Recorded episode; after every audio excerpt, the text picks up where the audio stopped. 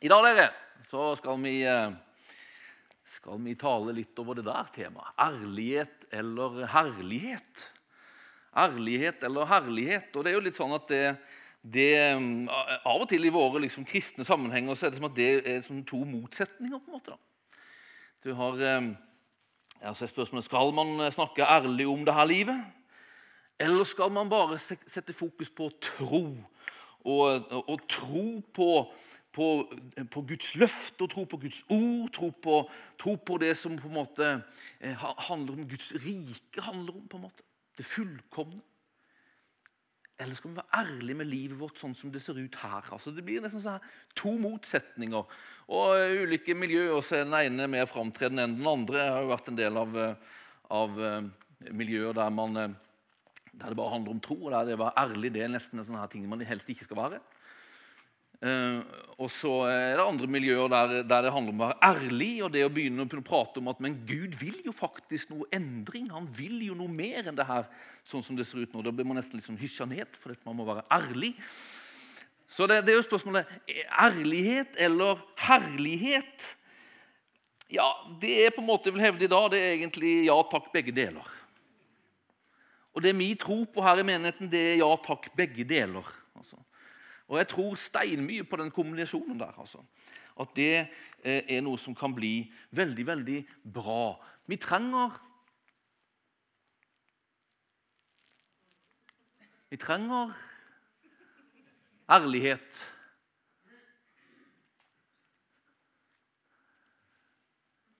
Vi trenger ærlighet, men ærligheten trenger å kobles til tro.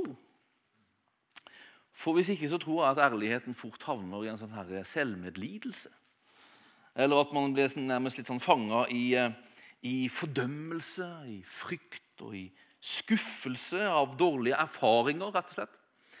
Men samtidig så trenger troen vår å kobles på ærlighet. Og Det er litt det vi skal liksom prate om i dag. altså.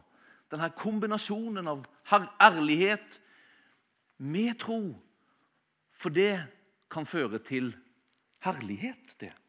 Ærlighet kan føre til herlighet. Ærlighet kan være en vei til herlighet.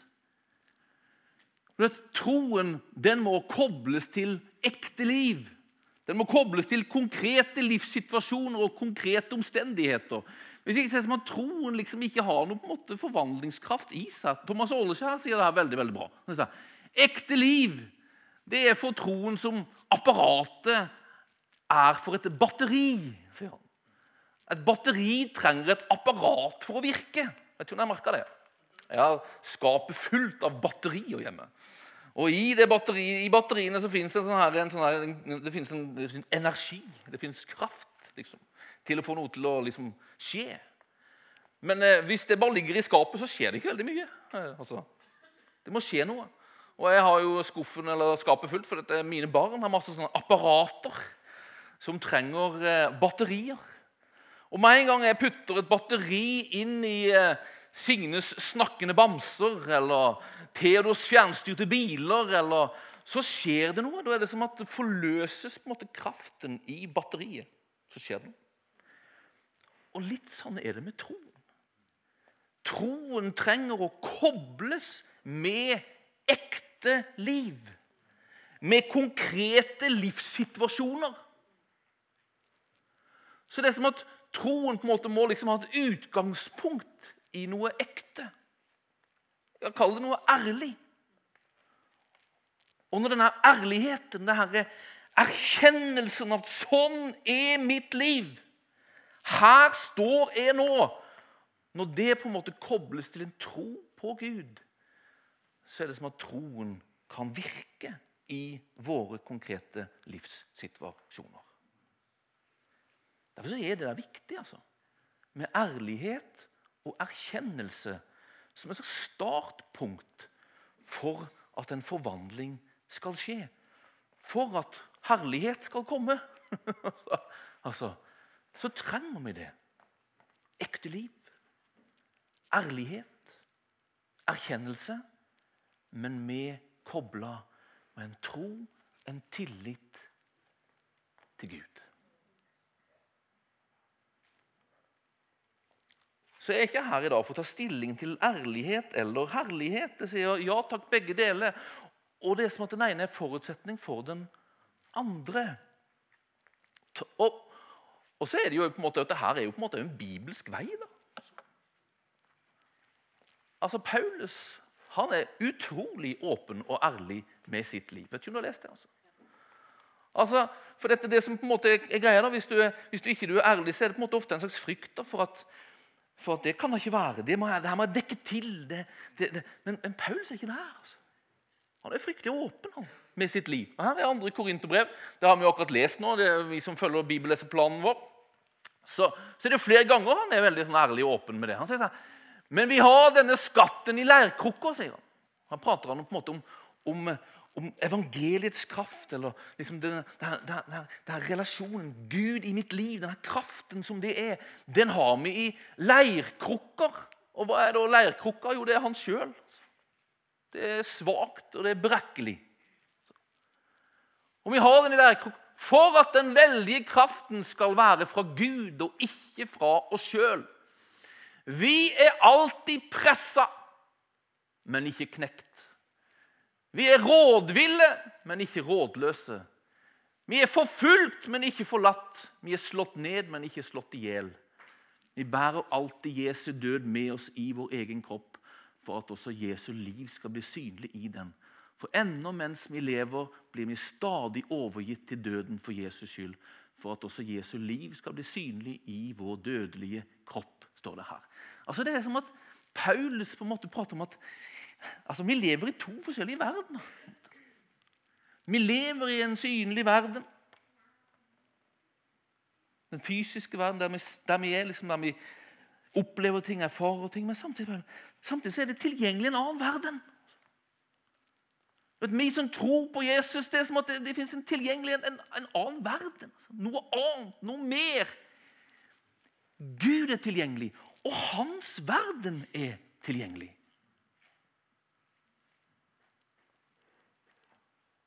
Og så er det som at Gud ønsker han å komme inn i vår verden og prege oss og den verden vi lever i. Men han trenger på en måte å komme inn gjennom at vi slipper han inn. Og det vi slipper han inn med, det er en tro kobla til ekte liv. Ærlige liv. Det er som at Der kommer det en slags kontaktpunkt. Der kan han lande. Der er han velkommen. Der kan han være virksom. Så Paulus han er sånn vi er alltid pressa. Altså, han er ærlig. Ærlig. Men vi er ikke knekt. Hvorfor det? Fordi Gud er òg her. Han er til stede, og han er virksom i liksom min pressahet. vi er rådville er det noen som har kjent seg rådvill noen gang? Men du er ikke rådløs. Fordi i, denne, i det du erkjenner er rådvill, så skal du huske på at han er òg her med sitt råd. Vi er forfulgt. Mange opplever seg forfulgt. Ikke kanskje ikke i samme grad som Paulus, men det hender at noen slenger drit om du. Jeg håper nesten du opplever det av og til. For dette er liksom tegn på at du er liksom tydelig med troen din. Men husk, da! Når du er forfulgt, så er du ikke forlatt. Altså, Det fins en annen verden, en annen virkelighet, som er tilgjengelig for oss. altså, Som vil på en måte komme inn og være virksom og hjelpe til og være, være en del av vårt liv her. Men den trenger en åpenhet, en åpning, og det skjer gjennom at vi erkjenner er forfulgt.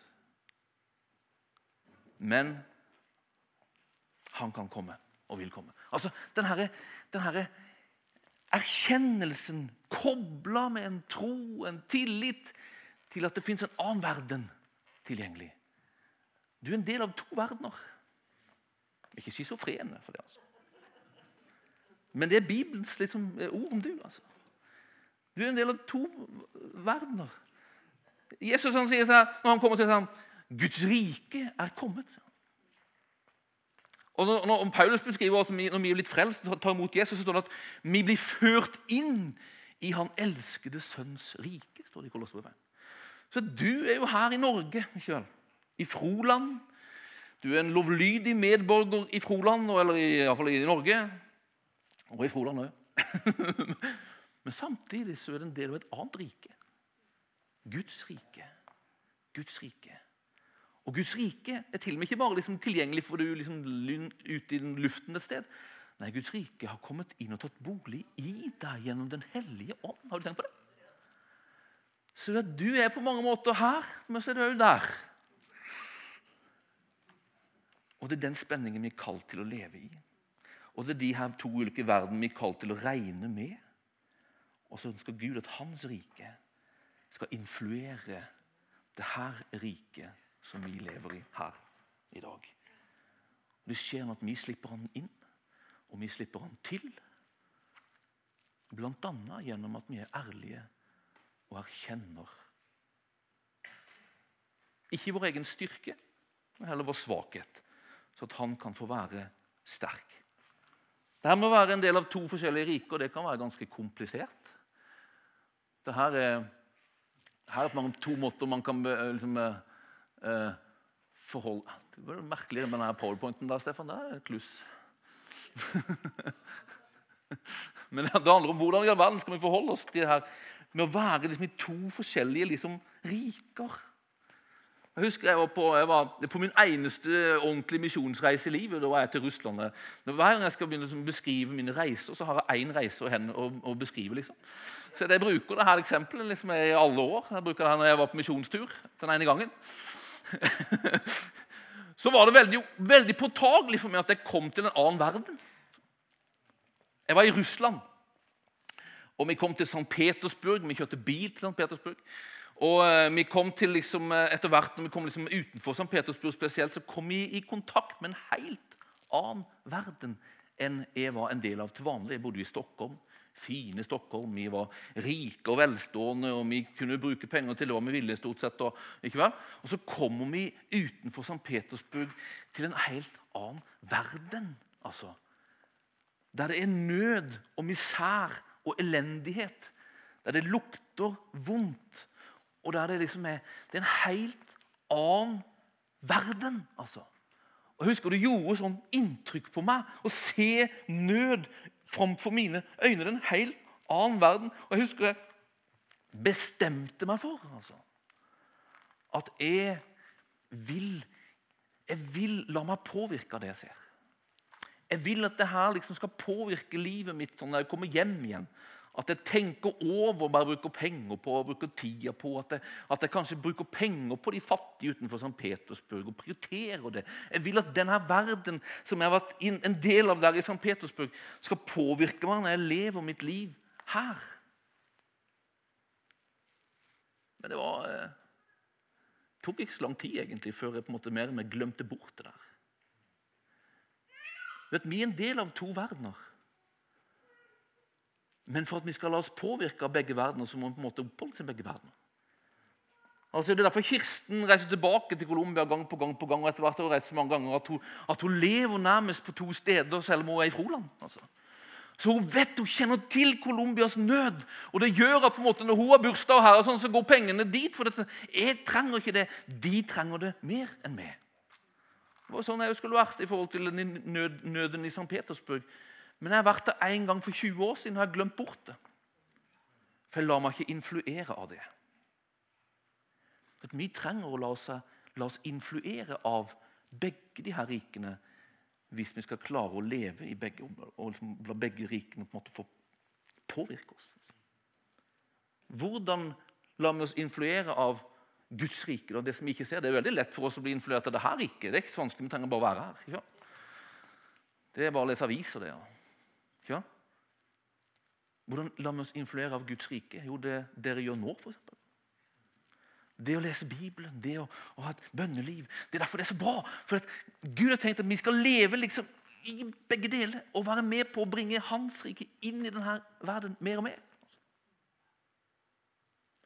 Så hvordan skal vi forholde oss? Jo, der, vet du. Der har du lyst til å fikse den, Stefan. Han ordner det, vet du. Jo, det, vi må klare to ting på en gang. Liksom. Vi må forholde oss sånn at våre liv får plass. Altså, vi, vi, løsningen at, ja, løsningen min var ikke at jeg skulle liksom bare eh, sitte, stenge meg inne på et rom og så skulle jeg bare fantasere om St. Petersburg. Jeg skulle jo leve i Sverige. Men samtidig så måtte jeg jo gi plass til St. Petersburg hvis jeg skulle kunnet være influert av det. Jeg måtte kanskje hatt noen kontakter der jeg kunne ringe til, få liksom noen bilder så jeg kunne påminnes om hvordan den verden faktisk ser ut. Og Sånn er det òg med oss. også. Vi trenger å i denne verden forholde oss sånn at vi lar oss påvirke av Hans rike gjennom at vi lar Hans ord og Hans ånd få plass i livet vårt. Men vi skal ikke være der at vi på en måte, at vi bare stenger oss inne. Det er jo det som er kirkas kritikk mot alle kirker, at de bare stenger seg inne, og så har vi det herlig. ikke Nei, vi må jo gi plass for ekte liv. Gi plass for ekte liv. Gi plass for ærlighet.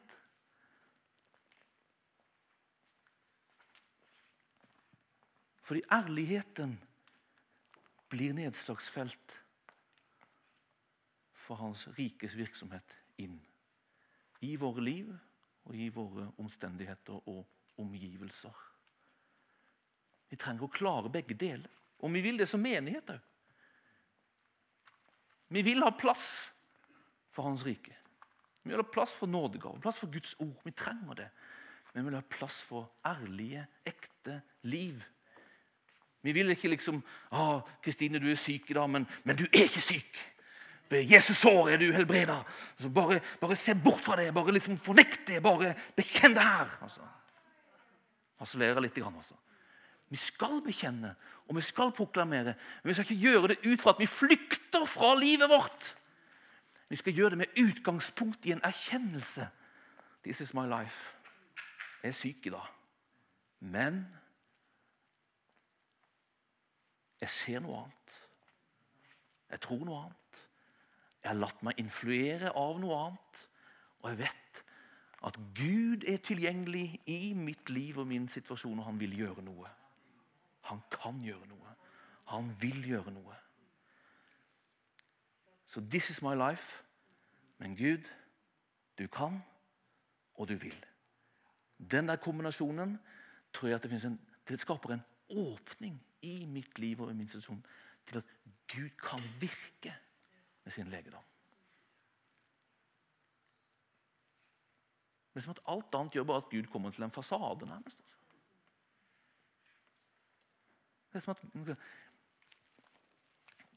jeg er frisk, jeg er frisk, jeg er frisk. Og så er det som at Gud kommer og så sier han sånn, er jeg her for å lege var det noen sykdom her. Nei, nei, nei, jeg er frisk, jeg er frisk. jeg er frisk. Har vi kommet inn i våre liv? Og Da trenger vi en erkjennelse. En ærlighet, en åpenhet, som at han kan få slippe til.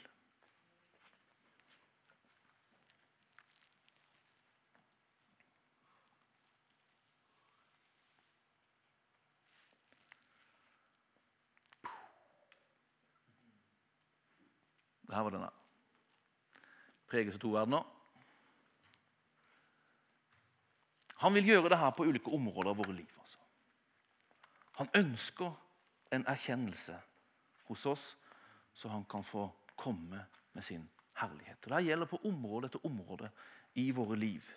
så trenger han det. Han ønsker å frelse oss. Han ønsker å frelse oss. Det kan være at alle her er frelst. Det håper jeg. Men det handler på en måte om, om, om, det, å, om det å våge når vi forkynner evangeliet. Er som at Gud trenger en erkjennelse av at vi trenger å bli frelst. Og jeg tror, Hvorfor trenger vi å bli frelst? Vi trenger å bli frelst. Frelst det betyr at man blir redda fra noe. Altså. Hva trenger man å bli redda fra? Vi trenger å bli redda fra synd. Vi trenger å bli redda fra synd. Og, mitt, og Gud, Gud, Gud, han vil på mange måter liksom, han vil virke fram han. Han heier på erkjennelse. Fordi der vi erkjenner, kan han få komme til. Og Når vi forkynner evangeliet, når vi omgås som mennesker for å bringe budskapet om frelse tilgjengelig, så er Gud først ute etter å skape en erkjennelse hos mennesker at de trenger frelse. Og Det er mange grunner til at vi trenger frelse. Altså, altså Vi trenger frelse fordi vi er ensomme. Mennesker kan bli frelst ved en erkjennelse at jeg er ensom her i verden. Jeg trenger fellesskap med Han som de sier er så god. Ikke sant? Det er mange former, mange ting man kan erkjennelse rundt. med. Men når Bibelen preker og taler om frelse, så prater den først og fremst om en erkjennelse av synd. En erkjennelse av at vi kommer til kort innenfor Gud. At vi trenger Gud. At uten Han er vi faktisk fortapt. Og jeg tror, jeg, tror, jeg tror, at dette er noe som gjør at òg for våre egne liv så gjør den erkjennelsen at han får trenge dypere i livet vårt. Jeg har tenkt på det i mitt eget liv. Så. Hvordan gikk den prosessen til når jeg ble, når jeg ble, liksom, når jeg ble frelst? Og, og, og, sånn? så, så handla det om en, en overbevisning om at det var fortapt. Uten Gud. Det der er et hellige ånds verk. altså. Han vil gjøre det, men han gjør det på en måte gjennom forkynnelsen vår. Så det er litt sånn fan jeg. altså. Jeg går liksom i perioder. Hva liksom er beste medisinen? eller Hva er beste redskap? Hva er beste forkynnelsen? Beste forkynnelsen for at mennesker blir frelst, det er, å, det er å ha en bibelsk forkynnelse, tror jeg. Og Bibelen peker på det her faktum at uten Gud er vi fortapt. Og Bibelen peker på det her faktum at veien til Gud den går gjennom Jesus Kristus. Uten ham er vi fortapt. Hvorfor? Av synden. Derfor var det synden korset på mange måter liksom gjorde noe med. Men uten Jesus er vi fortapt i vår synd. Paulus prater om det i 1. Korinterbrev 15. Han prater om oppstandelsen. Uten oppstandelsen, ingen tro. Uten oppstandelsen er vi fortapt i vår synd. Men Jesus har stått opp for de døde for å gjøre noe med vår synd. Derfor trenger vi en erkjennelse at før vi kommer til tro på Jesus, så er vi fanga i vår synd. Og vi trenger en slags fortsatt erkjennelse av at uten Jesus i livet så er jeg fortapt i min synd. Jeg er så avhengig av Jesus. Altså. For frelse. For evig liv. Og Det var den innsikten jeg kom til. Og det her var Den hellige ånds verk. Og det her Den hellige ånd holder på med. Han overbeviser. Han overbeviser om synd, rettferdighet og dom. og Det skal vi ikke gå inn på hva det betyr. men, men altså det, det over, det, han overbeviser om at vi trenger å gjøre noe med, med vår synd. Og jeg ble overbevist, og det var en periode, en prosess. Jeg, jeg liksom, plutselig så, så ble jeg overbevist av Den hellige hånd at jeg var fanga i min synd. Og uten at jeg tok imot Jesus, så gikk jeg fortapt. Og det var Jeg kjempa med det der i flere måneder. altså. Til slutt så ga jeg etter. Og det var en ganske angstfull opplevelse. faktisk. Altså. Det, var, det var syndenød. Altså. Men det gjorde at det på en måte ble noe som liksom fikk gå litt dypt. da. Som jeg var redd for å miste. Fordi jeg visste fortsatt etter at jeg hadde sagt ja til Jesus, så visste at uten at jeg sier ja, så, så, så er jeg fortapt. Og jeg tror at den der vissheten der, eller den overbevisningen der, den kan vi godt ha med oss. Altså. Uten Han er vi fortapt, alle mann. Det fins en, eh, en sånn en, Skal hoppe over det eksempelet der.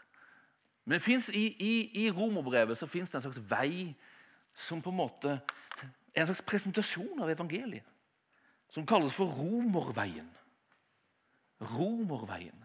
Eller romernes vei til frelse. Og Det kan du godt lære deg når du skal på en måte forkynne evangeliet. så er det en del som bruker denne romerveien. Det er som at Paulus han på en måte, han skal, han skal liksom I rombrevet så, så, presenterer han sitt evangelie. Han, det er evangeliet som er kraft til frelse. Hva handler det om? Og så begynner han på en måte rombrevet med en lang beskrivelse av hvor håpløst det er for alle mennesker. Jeg vet ikke om du har lest begynnelsen av rombrevet. Det er ganske motløst. liksom. Det er ganske håpløst. Alle har synda. Ingen kommer unna. Ikke nordmenn, ikke frolendinger, ikke myklendinger. Han liksom tar for seg liksom gruppe for gruppe, nærmest. Alle står skyldige innenfor Gud fordi synden skiller oss fra ham. Men Gud er ren og uten synd. Og han kan på en måte ikke, og vil ikke heller, slippe synd inn i sin tilværelse. Så når han vil ha mennesker inn i sin tilværelse, så må synden først bort. Alle mennesker er syndige, kommer til kort innenfor Gud. Steg 1. Erkjenn det, sier Paulus. Sånn, alle inkludert. Du òg. Du har synd. Og så neste steg sier han, syndens lønn, står det i kapittel 6. Det er døden så har du synd, er du død. Det er på en måte nådestøtet for alle mennesker. Men, sier Paulus, men Når du erkjenner det her, så fins det et men. Paulus sitter ikke der og, og legger ut hvor elendig alt er, og så blir han værende i elendigheten. Han peker på noe. Han peker på at det fins noe annet som har kommet. Det fins en annen verden som er tilgjengelig. Det fins noe annet som er tilgjengelig. Det fins et evangelium som er gitt, og som er fullbyrda. Og den, det evangeliet, det er en gave. Det er en gave. Og Han fortsetter der. Syndens lønn er døden, står det i første del av, av 6.23. Men, men andre delen sier seg Men Guds nådegave er evig liv i Kristus Jesus, vår Herre. Og så er det Romer 5,8 som på en måte er det store bibelverset når det gjelder denne romerveien. For der står det at når vi var syndere, viste Gud sin kjærlighet til oss ved at Kristus døde for oss. Løsningen, det som er tilgjengelig, det er en gave gitt som vi kan få ta imot. Hvordan? Ved tro. For neste steg det er hvordan tar vi imot? Jo, vi tar imot ved at vi ved munnen bekjenner at Jesus er Herre, og hjertet tror at Gud har opprettet ham fra det døde. Da blir du frelst. Det begynner med erkjennelsen. Jeg har synd. Jeg er død. Men jeg har kommet til tro på Han som er Guds gave. Og jeg fester lit til Han. I min misær så kommer Han inn i min misær og frelser meg. Og frelser meg. Hva er resultatet? Fred med Gud. Fred med Gud. Altså, Vi trenger denne erkjennelsen. Jeg trenger du, Jesus, for å være frelst, for å bli frelst. Og det gjør at vi kan få erfare det. Dette er område etter område gjelder det her. Dette gjelder òg kampen vår med synd og uvaner som vi kjemper med, alle mann fortsatt. altså. Hva er veien til frihet? Hva er stega til frihet? Ja, første steget det er å erkjenne at du kjemper. Johannes han sier det her. Sier vi at vi ikke har synd, da bedrar vi oss sjøl, og sannheten er ikke i oss. Og Nå prater vi om syndige handlinger. Det handler om dårlige vaner, om ting vi kjemper med. Mange har sine kamper, og mange mislykkes med ting. Alle mann. Og Johannes sier det. Alle mann, sier han, gjør det. Sier du noe annet, da er det en løgner. Det er iallfall synd. så, så, så, så erkjenn det! For når du erkjenner det og bekjenner det, så fins det noe annet tilgjengelig. Fordi Gud har brakt noe annet inn. Han har brakt et kors inn, han har brakt en frelser inn, han har brakt tilgivelse inn. Han har brakt frihet inn. Dersom vi bekjenner våre synder, så er han trofast og rettferdig. Så han tilgir oss syndene og renser oss fra all urett. Sier vi at vi ikke har synda, gjør vi ham til en løgner, og hans ord er ikke oss. Bekjenner vi synden vår? Erkjenner vi at vi har feil, og bekjenner synden vår? Da fins det en åpning i livet vårt for at han kan komme. Fornekter vi, så stenger vi han ute.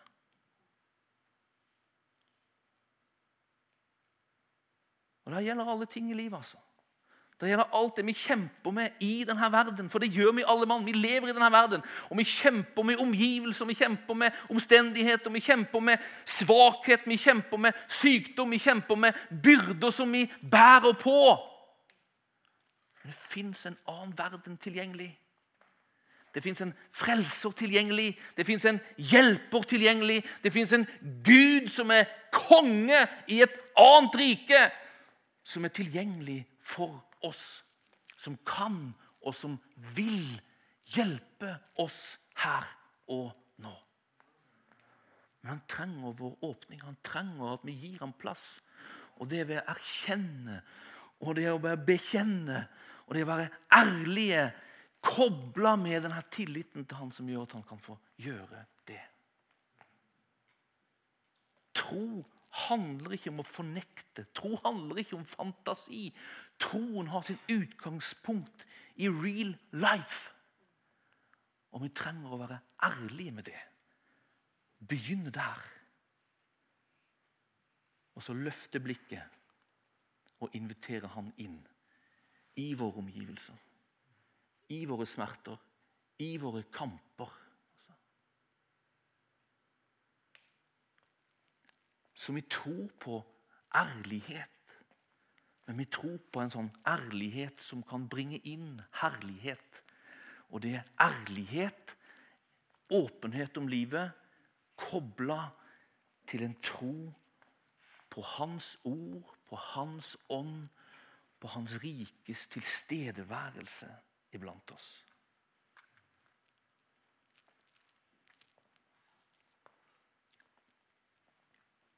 Derfor, derfor Gud elsker på en måte når vi erkjenner. Det er ikke for å plage oss.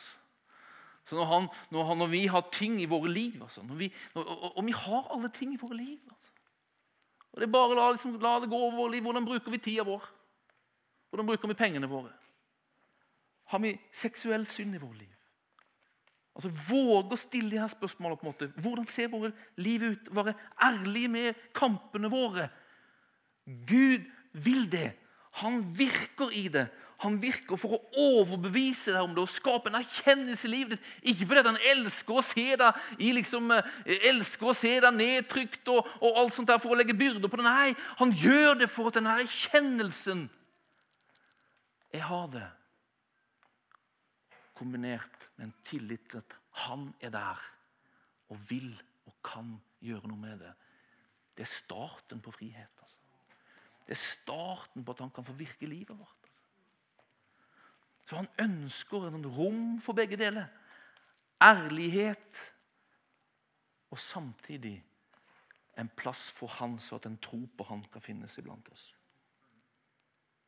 Sånn at ærligheten ikke blir endestasjonen. For det er ikke så veldig oppmuntrende. altså. Sitte i en gruppe og være ærlig, det er ikke alltid bare gøy å høre det. Men ærligheten er startpunktet for at man derfra kan vende seg til han, åpne seg for han, så at han kan få komme inn i våre liv og i våre omstendigheter. Han er ikke redd for det. skjønner du. Når kom Jesus? Mens vi enda var syndere. Når vi var på det bunnen av bunnen, altså, så kom han. Og sånn er det med våre liv. altså.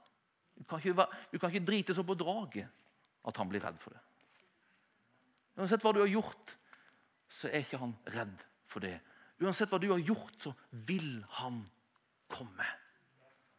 Og han inviterer deg, eller kaller på deg, banker på, virker for å overbevise deg til å erkjenne This is my situation. Dette er mitt, min situasjon. Dette er mitt liv. Og så gjøre det innenfor han, vende seg til han, invitere han inn. Da kan store ting skje. Da kan det bli herlighet av din ærlighet. Om vi tror på det der. Kom til meg, sier Jesus. Gang på gang, sier han. Men ta med behovet ditt. Ta med behovet ditt. Han vil bære byrder. Han vil legge sykdommer. Det er påfallende der. Når han kommer til denne lamme mannen ved Betestadammen i Johannes 5, så, så ser jo han lang vei han hva han der mannen trenger. Men allikevel så spør han vil du bli frisk. Altså, vil du Erkjenner du at du er i behov av noe? altså, erkjenner du det, så kan jeg komme. Så kan jeg gjøre noe med det. Han trenger vår erkjennelse. Han trenger vår ærlighet for å kunne gripe inn og gjøre noe. Men vår svakhet det er ikke en trussel. Vår svakhet det er ikke noe vi behøver liksom å, å, å si, gjøre noe med, sier Bibelen. Nei. Din svakhet, det er en styrke.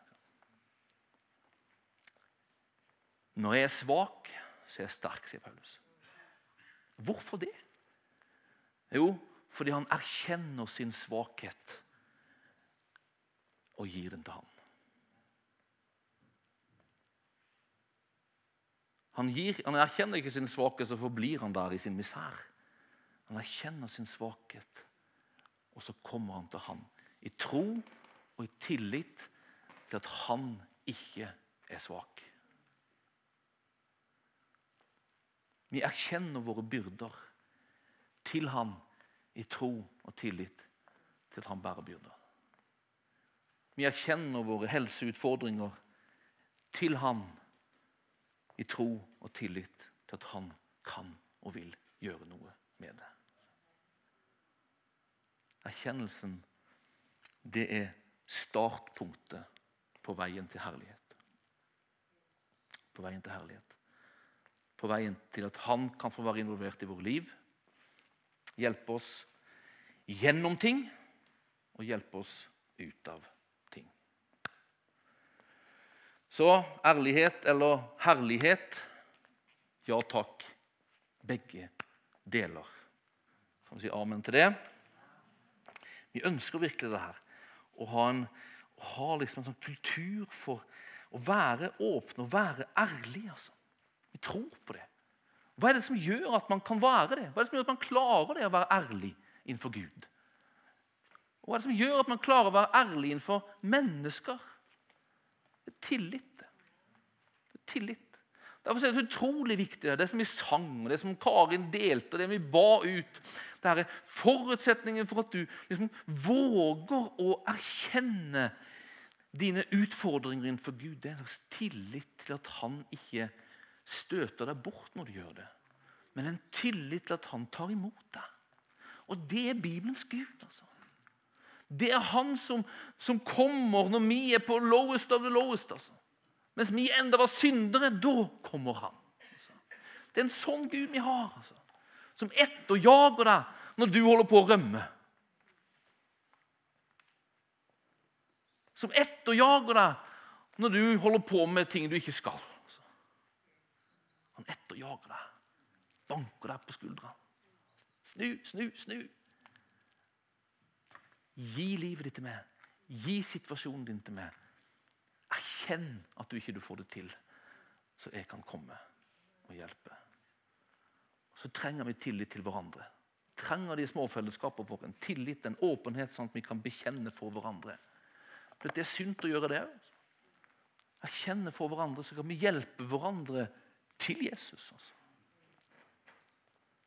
så at han kan få gjøre gode ting i livet våre. Amen.